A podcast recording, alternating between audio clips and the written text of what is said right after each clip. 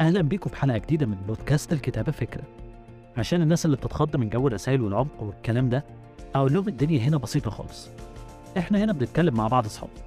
يعني ببساطة كلامنا كله عن الأفكار اللي ممكن تطلع من الكتابة وبالذات من كتابة الأفلام والمسلسلات.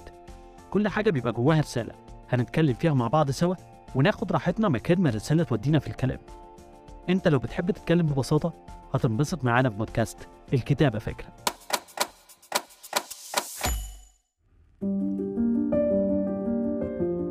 من الحاجات اللي الناس مسلمة بيها من زمان ومش عارف إيه سببها إن أي واحد كده لو وقفته في الشارع وسألته سؤال مفاجئ هتلاقي نفس الإجابة. إيه بقى السؤال اللي تتوقعه إن ممكن تكون إجابته واحدة عند ناس كتير؟ السؤال ده هو بتحب عيلة مامتك ولا عيلة باباك؟ 98% من الناس هتلاقيه بيقول بحب عيلة مامتي. واحد ونص في المية هتلاقيهم بيقولوا إحنا مش بنحب العيلتين أصلا. في نص في المية بقى بيحب عيلة باباه ودول فئة نادرة جدا ملناش دعوة بيها وما نعرفش ظهروا إزاي أصلا.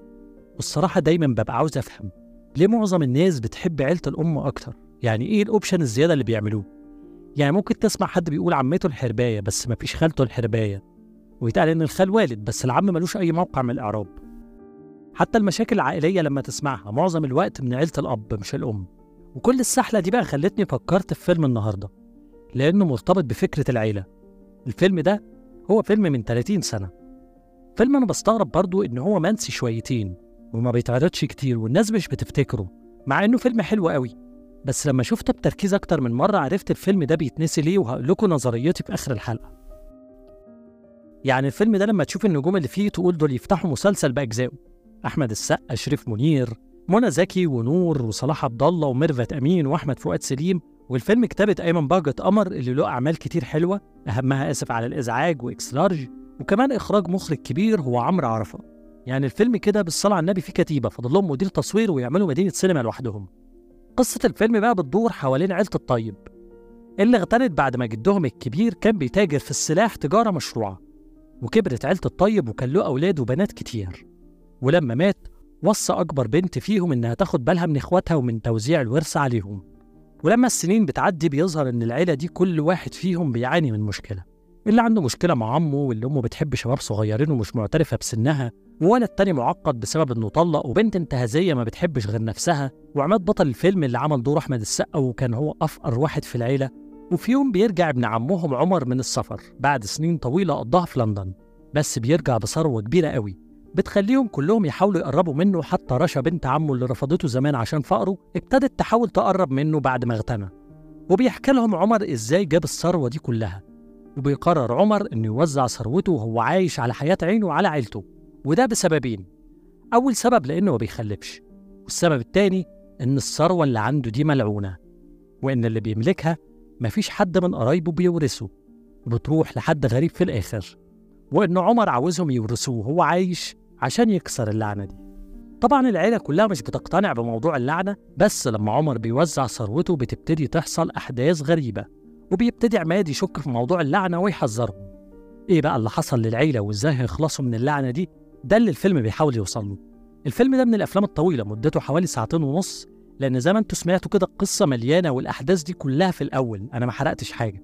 والسيناريو كان موفق قوي في إنه يحط قواعد اللعنة دي لأن دي اللي بيتبني عليها أحداث الفيلم. وهي اللي هتحرك الأحداث.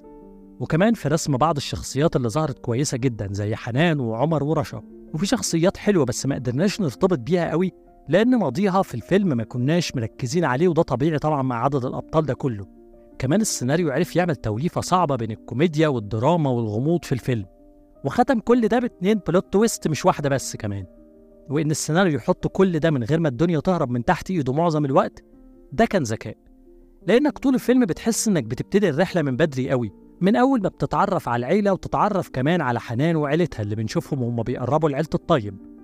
وبنشوف الفرق بين العيلتين وبتشوف الأحداث اللي بتحصل بسبب اللعنة وكمان المثلث الرومانسي الصراع ما بين عمر وعماد على حب حنان. وبيفضل ماشي مع لغز الفيلم اللي هو اللعنة لحد ما بتبان كل حاجة في الآخر.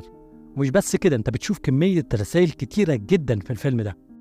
أنا هقولها لكم كلها بس الأول نركز على أهم واحدة عشان دي اللي ابتدت الحلقة رسالة العيلة. فاكرين سؤال أول الحلقة بتحب عيلة مامتك أكتر ولا باباك؟ السؤال ده إجابته واحدة لسبب بسيط إن عيلة الأم هي اللي بتأثر أكتر في كل واحد فينا بيحتك بيها أكتر وبيقرب منها أكتر وده بيخليه يتعلق بيها أكتر. ويا سلام بقى لو عيلة الأم دي فيها حنية أو تشجيع ليك أكتر من عيلة أبوك. أنت كده هتعمل تمثال لعيلة والدتك خلاص وهو ده هيبقى السبب الأساسي إنك تتعلق بيهم. رسالة الفيلم هنا كانت بتتكلم على العيلة بشكل عام. العيلة ممكن تأثر عليك إزاي وممكن توديك لفين؟ إن في عيلة تخليك داخل في الدنيا من غير خوف لأنهم بيدعموك وفي نفس الوقت أنت بقيت بسببهم عارف قيمة الصح والغلط. وفي عيلة تانية من كتر ما بتكسرك وبتحس إنك وسطهم عمرك ما حسيت بحنية ولا دعم بتتحول لشخصية وحشة. ويمكن كمان بتبقى شخصية حقودة وما عندهاش مشكلة تأذي غيرها.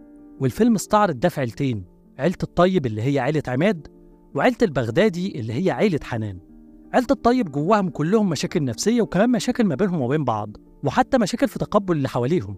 عيلة البغدادي بقى عكسها خالص عيلة طيبة وبيساعدوا أي حد وبيحبوا بعض بجد. المقارنة بين العيلتين اتعملت من غير فلسفة وبشكل بسيط. يعني شفت في عيلة الطيب وهم ملمومين في القصر بتاعهم وبياكلوا وما بتحسش إن في روح لأنهم عيلة مفككة. وكل واحد مع إن عنده مشكلة بس بيتريق على مشاكل اللي قدامه من غير ما يحاولوا يسندوا بعض. يعني من الآخر أنت بتحس إن القعدة حتى بتاعتهم مش مريحة حتى بالنسبة لك أنت وأنت قاعد بتتفرج. وبعدين تشوف عيلة البغدادي وهم بياكلوا في القصر تحس إن القصر مليان بهجة وحركة وسعادة وإنك متفاعل مع المشهد ومبسوط. حتى القصر نفسه تحس إنه كان منور بزيادة وبيتنفس كده ما كانش مكتوم زي ما كان مع عيلة الطيب. ويمكن ده كمان بسبب الإخراج المتميز لعمرو عرفة اللي وصل الإحساس ده حلو قوي. وبرضه الفيلم وصل رسالة تاني إن حتى لو أنت عيلتك وحشة ده مش مبرر يخليك أنت كمان تتحول نتيجة اللي حصل لك لأنك ساعتها مش هتفرق عنهم كتير. كل واحد بيتأثر في الآخر بعيلته في اللي بيستسلم وبيبقى وحش زي عيلته وفي اللي بيقدر ياخد الحلو من عيلته ويحافظ على شخصيته نظيفة وما تبقاش مؤذية. وبرضه من الرسائل في الفيلم ده هي اللي بتجذبه لحياتك. لو انت قلت فكرة معينة حتى من غير ما تكون قاصدها أو بتكون بتهزر أو بتخدع حد ممكن الفكرة دي فعلا تتحقق لأنك قلتها وأنت مصدقها. زي مثلا لما تبقى مسافر أسبوع وكل ما حد يكلمك تقول إنك مش بترتاح في السفر وأهلك تعبينك ومش بتعرف تستمتع والكلام ده كله.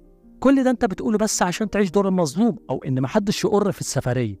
بس وقتها لما تسافر بتلاقي فعلا إن السفرية بقت وحشة وبقيت مش طايقها. لأنك كذبت وخليت نفسك من غير ما تحس اقتنعت بفكرة معينة بخصوص السفرية دي فاتحققت. فدي رسالة تاني حب الفيلم يقولها. إنك تاخد بالك من كل اللي بتقوله حتى لو بهزار لأن وقتها ممكن يتحقق وتلبس أنت بقى مع اللي قلته. أفكار كتير اتملت في الفيلم ده حتى فكرة إن أنت تقول على عيلتك وحشة لو بتقولها بهزار أو عشان تجاري الناس اللي ما بتحبش عيلة أبوهم فممكن فعلا تلاقي نفسك بقيت بتكره عيلتك. وتلاقي نفسك مش بتبقى مبسوط معاهم ودي هتبقى أسوأ حاجة حصلت لك. العيلة أهم حاجة في الحياة. دول اللي بيبقوا ليك وخايفين عليك. بس لو حسيت إن عيلتك هتطلع أسوأ ما فيك يبقى ما تبقاش زيهم. حافظ على قلبك زي ما هو وسيب نفسك للعيلة اللي تزقك لقدام مش ترجعك لورا. عيلتك اللي بجد هي اللي بتقويك مش اللي بتكسرك. وهي اللي بتفتكرها تبتسم وتدور على كل دقيقة ممكن تقضيها معاهم. في ناس كتير ممكن ما يبقوش من دمك بس ساعات بيبقوا عيلتك عشان بيدولك اللي انت محتاجه. وعشان بيبقوا في ظهرك من غير غرض ولا مصلحة.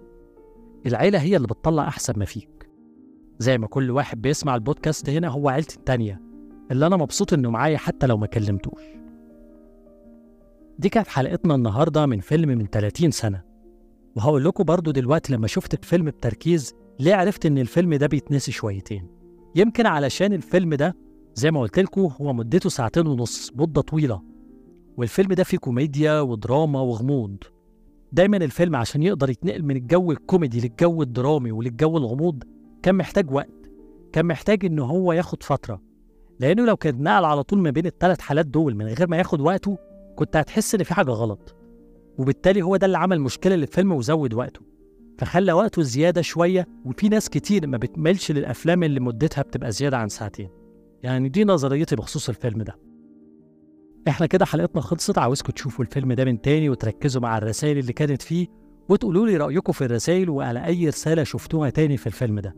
بشكر كل واحد سمع الحلقة وشكر خاص لصديقتي الجميلة كارمن السراج اللي كتبت حلقة النهاردة وساعدتني فيها كتير جدا من فيلم من 30 سنة.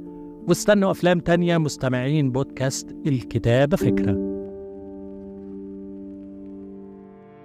أتمنى تكون عجبتكم الحلقة من بودكاست الكتابة فكرة. تقديم وكتابة عادل أبو الفضل. Design و branding أحمد رأفت وحبيبة حجاب. تقدروا تسمعوني من سبوتيفاي Apple Podcasts SoundCloud Podeo وأنغامي شكرا ليكم على استماعكم واستنوني في حلقات تانية من البودكاست المفضل ليا عشان بكلمكم. الكتابة فكرة.